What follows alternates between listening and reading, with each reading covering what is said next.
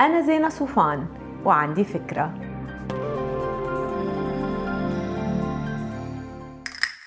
هاي.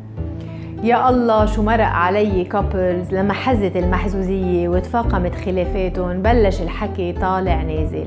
إنه هي ليش بحياتها ساهمت بمصروف البيت أصلا. أو هو أصلا مفكر إنه المصروف يلي بيعطينا إياه مكفي لو ما بيي كان بيساعدني. وبتظهر الاعتراضات على السيارة اللي بليلة ما فيها ضوء قمر راح اشتراها حضرته. أو السفرة اللي سيدة المجتمع حطتنا فيها تحت الأمر الواقع. حكي وحكي وحكي. المشكلة ما بتكون ظهرت فجأة على فكرة. المشكلة بتكون مبلشة من أول يوم. الناس لما بيعملوا شركة تجارية العلاقة المالية بتكون شيء كتير منظم وواضح. الزواج بمحل المال شراكة. طيب ليه بنتركها بلا نظام؟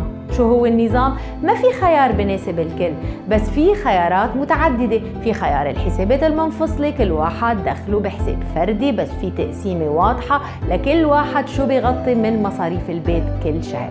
تقسيمة قابلة للمراجعة إذا طرف حس إنها صارت مش عادلة بوقت من الأوقات.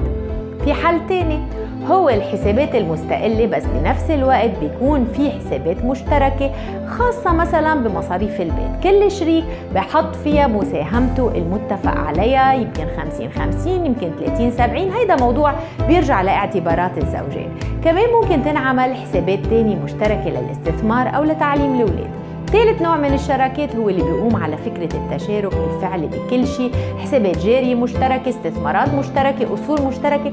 طبعا هاي الشراكات بتتطلب أعلى درجات الثقة بين الأزواج وبالغالب ما بتكون خيار أول كم سنة زواج وإنما بتجي بالاتفاق بمرحلة لاحقة لما أواصر العلاقة بتكون تمدنت لكن بالطبع لازم ضمن هاي المنظومة يضل في مساحة حرية للشريكين وإن كانت ما بتخلو من ضوابط. يعني مثلا كل واحد عنده مصروف فمش مضطر يطلع الشريك على كل تفصيلة بصرفه.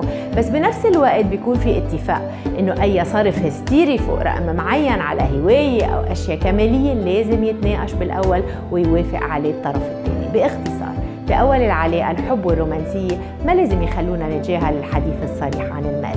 ولاحقا بالعلاقة يا ريت خلافات المال ما تنسينا الحب والعشرة والأيام الحلوة. ما تنسوا تعملوا download للفكرة تعطوها rating وتساعدوني بنشرها bye